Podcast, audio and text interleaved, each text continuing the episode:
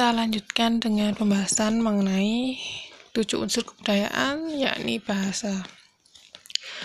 Kalau di pembahasan kemarin sudah dijelaskan secara singkat apa itu definisi, dan konsep bahasa dan fungsi bahasa di dalam tataran makro dan mikro. Kemudian yang bisa kita bahas adalah bagaimana hubungan bahasa dengan kebudayaan. Jadi ada beberapa hal nanti bisa kita simak bersama. Yang pertama adalah bahasa sebagai alat atau sarana kebudayaan. Kemudian dijelaskan ada subbagiannya. Yang pertama adalah perkembangan, yang kedua adalah transmisi, kemudian yang ketiga adalah inventarisasi. Lalu apa yang dimaksud dengan bahasa sebagai promo, perkembangan atau promosi budaya sehingga dalam hal ini adalah bagaimana bahasa digunakan untuk penyebarluasan kebudayaan. Secara sederhana, jika bahasa suatu suku bangsa hilang, maka budaya pun akan hilang. Kebudayaan nenek moyang dapat kita terima dan dapat kita wariskan kepada anak cucu kita hanya melalui bahasa. Kemudian pola hidup, tingkah laku, adat istiadat, cara berpakaian, dan unsur-unsur kebudayaan lain juga bisa disampaikan, diterangkan, atau ditransmisi melalui bahasa. Itu pula makanya kita melihat atau mendengar kebudayaan nenek moyang itu terkandung di dalam naskah-naskah lama yang barangkali sudah ditulis beratus-ratus tahun lalu dan kita masih bisa menikmati atau membaca atau menerapkannya karena sudah ditulis dalam bahasa. Lalu yang terakhir adalah inventarisasi, yakni usaha penginventarisasian kebudayaan adalah upaya penulisan kebudayaan itu baik dalam buku-buku maupun hasil penelitian. Peran bahasa pun menjadi sangat penting dalam hal ini, karena dengan adanya inventarisasi ini akan bermanfaat bagi generasi mendatang atau masyarakat lainnya yang ingin mengetahui suatu kebudayaan. Kedua adalah bahasa sebagai bagian kebudayaan. Bahasa kita peroleh atau merupakan hal bentuk dari kebiasaan terpola yang sudah diperoleh manusia sejak lahir. Bahasa sebagai suatu sistem komunikasi merupakan wujud kebudayaan yang termasuk sistem sosial yang mendasari tindakan berpola manusia.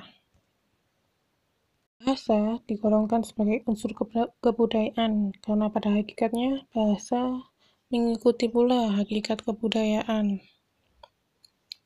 Secara umum, hakikat kebudayaan meliputi tujuh hal, yang pertama, sangat beragam atau bervariasi. Kedua, diperoleh dan diwariskan secara sosial dengan proses belajar. Ketiga, terjabarkan melalui komponen-komponen biologis, lingkungan, psikologis, dan historis. Keempat, berstruktur. Lima, terbagi dalam aspek-aspek. Enam, dinamis. Dan tujuh, relatif. Dan seluruh hakikat kebudayaan ini ada dalam bahasa. Selanjutnya yang ketiga adalah kalau tadi bahasa merupakan bagian dari kebudayaan, yang ketiga adalah bahasa merupakan hasil kebudayaan. Artinya, bahasa yang dipergunakan atau diucapkan oleh suatu kelompok masyarakat merupakan refleksi atau cermin keseluruhan kebudayaan masyarakat tersebut. Dengan demikian, kebudayaan yang berbeda akan menghasilkan kata-kata yang berbeda pula, karena setiap kebudayaan memiliki konsep-konsep yang berbeda. Sebagai contoh, di dalam bahasa Batak Toba misalnya ada kata rumah. Kemudian, tetapi tidak dapat dengan mudah lantas diterjemahkan dengan rumah dalam bahasa Indonesia. Contoh yang lainnya lagi misalnya ketika atau kebiasaan orang atau sikap seseorang ketika marah, senang, dan sedih tentu akan menghasilkan kata-kata yang berbeda. Kemudian juga antara profesi yang berbeda, polisi, petani, nelayan, dokter juga akan memiliki kosakata atau menghasilkan kata-kata yang berbeda pula. Sebagai misal contohnya sederhana, mahasiswa. Jadi antara mahasiswa dan pengajar akan memiliki kosakata yang berbeda. Mahasiswi atau mahasiswa akan familiar dengan bahasa seperti skripsi, menyimak, kemudian kanji misalnya untuk mahasiswa pendidikan Jepang, sedangkan pengajar akan familiar dengan kata-kata hibah, tridharma perguruan tinggi, kemudian inovasi atau dan kredit jabatan fungsional misalnya jadi akan menghasilkan atau perbedaan profesi tersebut punya kosakata yang berbeda masing-masing. Kemudian yang keempat adalah bahasa mempunyai makna dalam latar kebudayaan. Nah, di dalam slide itu dijelaskan bahwasanya ada dua bahasa ya, bahasa antara bahasa Sunda dan bahasa Jawa. Sepintas memang kosakatanya hampir sama, amis, raos, atos, tetapi ternyata mereka punya arti yang berbeda masing-masing di tiap suku masing-masing sehingga ini semacam anekdot yang nantinya akan memiliki penafsiran yang berbeda ketika dua orang yang berbahasa Sunda dengan orang yang berbahasa Jawa ini bertemu di dalam suatu percakapan di toilet itu tadi. Uh, jadi silakan kalian bisa menerka sendiri ya. Disampaikan di sini adalah bentuk bahasa yang sama mempunyai makna yang berbeda sesuai dengan kebudayaan yang menjadi wadahnya. Selanjutnya yang kelima adalah bahasa sebagai persyaratan kebudayaan. Jadi pertama adalah bahasa merupakan persyaratan budaya secara diakronis. Artinya kita mempelajari kebudayaan melalui bahasa. Kita dididik orang tua kita, dimarahi, diberikan ucapan selamat dengan menggunakan bahasa. Kebiasaan orang tua, nenek moyang, atau generasi pendahulu kita, kita peroleh, kita pelajari, dan kita pedamani secara turun-menurun oleh kita sebagai generasi penerus dengan bantuan bahasa. Lalu yang kedua adalah bahasa merupakan persyaratan per, persyaratan kebudayaan karena materi atau bahan pembentuk bahasa sama jenisnya dengan materi atau bahan pembentuk keseluruhan kebudayaan, yakni relasi logis, oposisi, korelasi, dan sebagainya. Misalnya seperti ini. Ada sebuah kalimat. Nah, kalimat ini akan tentu menghasilkan kalimat yang logis karena relasinya hubungan kronologisnya ada di dalam suatu kalimat. Misalnya begini, murid itu mengetuk pintu dan masuk ke dalam ruangan kelas. Ini mengandung relasi logis secara kronologis. Tetapi ketika kita ubah susunannya, murid itu masuk ke dalam ruangan kelas dan mengetuk pintu. Tidak mengandung relasi logis secara kronologis. Nah, di dalam budaya juga berlaku aktivitas atau aturan sedemikian. Misalnya, tahapan acara pada pesta pernikahan adat suku A, B, C, dan D, misalnya. Contoh lainnya bahwasanya kita mempelajari kebudayaan lewat bahasa. Nah, mengapa demikian? Contohnya adalah misalnya pada zaman dahulu ilmuwan sosial misalnya seperti antropolog ketika ia memasuki suatu suku bangsa yang dia datangi atau misalnya para misionaris Eropa dahulu itu datang ke Indonesia, tentu mereka akan mempelajari terlebih dahulu bahasa-bahasa Indonesia. Dengan bahasa itulah mereka bisa menggambarkan atau menyebarkan agama Kristen yang dia bawa misalnya. Jadi ada suatu anggapan bahwa jika kita ingin mengetahui suatu kebudayaan, kita harus terlebih dahulu mengetahui bahasanya. Satu, bagaimana kita mempelajari suatu budaya dengan bahasa adalah ada contohnya mengenai bahasa plesetan. Nah, bahasa plesetan ini bisa kita dapatkan informasinya dan bisa kita lihat contoh-contohnya dengan sederhana. Uh, jadi ini dari cut strukturnya ya. Jadi ada plesetan yang menyimpang sedikit. Misalnya Robert menjadi Robek atau misalnya plesetan akronim APG anak baru gede. Kemudian plesetan leksikon jadi Agus agak gundul sedikit. Nah kemudian ada plesetan frasal jadi botol lampu bodoh tolol lambat pula nah kemudian yang terakhir adalah kebohongan publik itu bisa jadi juga plesetan. Nah, kemudian fungsi kultural dari plesetan itu sendiri adalah yang pertama adalah sebagai hiburan atau komunikasi, kemudian olok-olok, sindiran, kemudian bisa juga itu menjadi suatu protes sosial bersifat laten. Nah, kemudian yang keenam adalah bahasa mempengaruhi cara berpikir dan cara berpikir mempengaruhi bahasa. Nah, jadi kira-kira ini adalah hubungan pikiran dan bahasa. Kemudian yang ketujuh adalah bahasa sebagai pengembang kecerdasan intelektual dan emosi.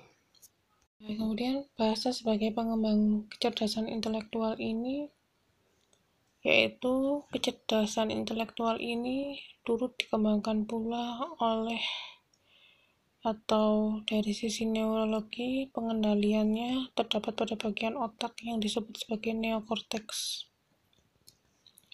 Kecerdasan intelektual ini meliputi aspek daya nalar yang sifatnya antara lain sistematis, konseptual, abstrak, objektif, analisis, sintesis, dan sebab akibat. Selain hubungan bahasa dan kebudayaan yakni Bahasa sebagai pengembang kecerdasan intelektual. Selanjutnya adalah bahasa sebagai pengembang kecerdasan emosional. Lalu apakah yang dimaksud dengan kecerdasan emosional? Kecerdasan emosional di sini diartikan sebagai daya kendali seseorang atas berbagai emosi dalam dirinya dalam menghadapi tantangan-tantangan kehidupan. Kita mengenal beberapa jenis-jenis emosi utama dalam diri kita sebagai manusia. Yang pertama adalah rasa senang, sedih, aman, cinta, adil, bangga, cemburu, benci, dan lain sebagainya. Kecerdasan emosional ini cukup sulit untuk diukur secara kuantitatif secara tepat. Berbeda dengan dengan halnya kecerdasan intelektual yang dapat diukur dengan IQ. Namun secara umum dapat dikatakan bahwa individu atau masyarakat yang cerdas secara emosional ialah yang orang yang dapat mengendalikan emosi dalam menghadapi setiap masalah kehidupan sehingga tercapai hasil yang baik bagi semua pihak. Sebagai contohnya adalah ketika seseorang merasa marah. Orang yang dengan atau memiliki kecerdasan emosional akan dapat mengendalikan rasa marahnya, sehingga dia hanya marah karena alasan yang objektif. Kemudian dia e, menumpahkan atau menyampaikan amarahnya tersebut dalam sasaran konteks situasi setelah waktu yang tepat. Dengan demikian, masyarakat yang ketika setiap warganya memiliki kecerdasan emosional tinggi, maka masyarakat itu dengan sendirinya juga memiliki kecerdasan emosional yang tinggi. Hal ini pula dikarenakan emosi berkembang lebih dahulu dibandingkan pikiran rasional di dalam diri manusia. Kecerdasan emosional juga berkembang karena emosi kita sudah tumbuh sejak bayi, bahkan sejak dalam kandungan. Kecerdasan emosional juga tetap berkaitan dengan proses-proses mental sebagaimana halnya dengan kecerdasan intelektual. Adapun pusat pengendalian kecerdasan emosional terdapat pada bagian otak yang disebut sebagai amigdala, yakni sistem hormon yang dapat terangsang karena stimulus dari luar, termasuk bahasa. Kita bisa contohkan sebagai misal, apabila seseorang mendengar kata atau membaca kata marah sebagai misal dalam kalimat Tono dimarahi guru. Dia akan membayangkan dalam perasaannya apa yang dirasakan oleh Tono dan bagaimana perasaan guru ketika marah. Apabila dia langsung melihat situasi itu, maka dia menyaksikan bagaimana Tono dan guru mengendalikan perasaan masing-masing. Sehingga dalam proses demikian, kedua jenis kosakata tersebut berpengaruh pada perkembangan KE atau kecerdasan emosional. Selain itu, kita juga bisa merujuk pada intonasi. Jadi, ketika struktur kalimat atau kata-kata yang digunakan sama, namun dengan intonasi yang berbeda, maka nuansa atau makna emosi juga dapat dinyatakan. Seperti misalnya, saya mengucapkan selamat pagi, berbeda dengan selamat pagi. Itu sudah ada perbedaan intonasi. Nah, perbedaan intonasi ini bisa menyatakan apakah memang menyampaikan atau ada emosi yang meliputi dalam pengucapan tersebut, misalnya rasa marah, rasa gembira, rasa tak senang, atau acuh tak acuh. Sehingga intonasi akan lebih berpengaruh dibarengi dengan bahasa tubuh. Karena bahasa tubuh pun juga perlu mendapat perhatian dalam hal ini. Selanjutnya yang ketujuh adalah bahasa ditransmisi secara kultural. Jadi apa artinya itu? Berbeda dengan makhluk hidup yang lainnya, semenjak kecil atau anak-anak kita mempelajari bahasa yang diajarkan oleh orang tua kita atau dari generasi-generasi sebelum kita. Jadi kemampuan berbahasa ini ditransmisi secara atau melalui proses yang dinamakan belajar, bukan melalui genetik. Kemudian, sedangkan sistem komunikasi manusia juga dipelajari melalui lingkungan sekitar. Berbeda halnya dengan hewan misalnya yang lebih banyak menggunakan insting. Proses belajar dari lingkungan ini atau proses belajar bahasa ini bisa dipelajari baik secara formal maupun tidak. Tentu proses belajar ini seiring dengan tahap-tahap. Kita di rumah bahkan juga terbiasa atau di negara kita ini mempelajari dua atau setidaknya tiga. Yang pertama adalah bahasa ibu. Bahasa ibu bisa belajar dari bahasa daerah atau bahasa dari suku bangsa tempat kita berasal. Kemudian kita juga mempelajari bahasa Indonesia sebagai bahasa nomor satu bangsa, bahasa nasional, serta selanjutnya kita mempelajari bahasa asing, bahasa Inggris, Jepang, Perancis, dan lain sebagainya. Yang membedakan ketika kita mempelajari bahasa Inggris misalnya, ketika kita mempelajari bahasa Inggris di Indonesia, tentu akan berbeda ketika kita mempelajari bahasa Inggris langsung di negara asal bahasa tersebut, yaitu di Inggris. Sehingga adanya makna bahwa kita mempelajari bahasa itu juga memerlukan konteks atau latar budaya yang melatarinya. Karena setianya kita akan berinteraksi dengan pengucap bahasa tersebut atau masyarakat yang menuturkan bahasa Inggris atau sebagai native speaker.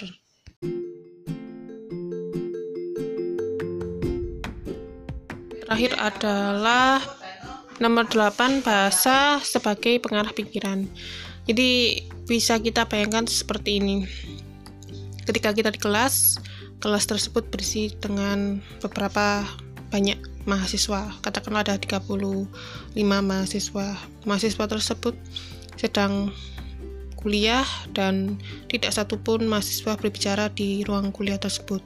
Kemudian setiap masing-masing mahasiswa akan memikirkan apa yang ada di benaknya masing-masing. Ada yang memikirkan orang tua, kehidupan, pacar, tugas, dan lain sebagainya. Kemudian salah satu dari mereka kemudian berbicara atau dalam hal ini ketua kelasnya. Kemudian ketua kelas dari kelas tersebut menyampaikan sesuatu bahwasannya kuliah akan diliburkan. Lalu masing-masing mahasiswa yang tadi berada dalam pikirannya masing-masing pikiran mereka kemudian terarah pada bahasa atau apa yang disampaikan oleh temannya tadi yang menyampaikan di kelas sehingga dalam hal ini bahasa penting untuk mengarahkan pikiran manusia atau bisa mengarahkan pikiran manusia untuk mengarah pada orang yang sedang berbicara tadi.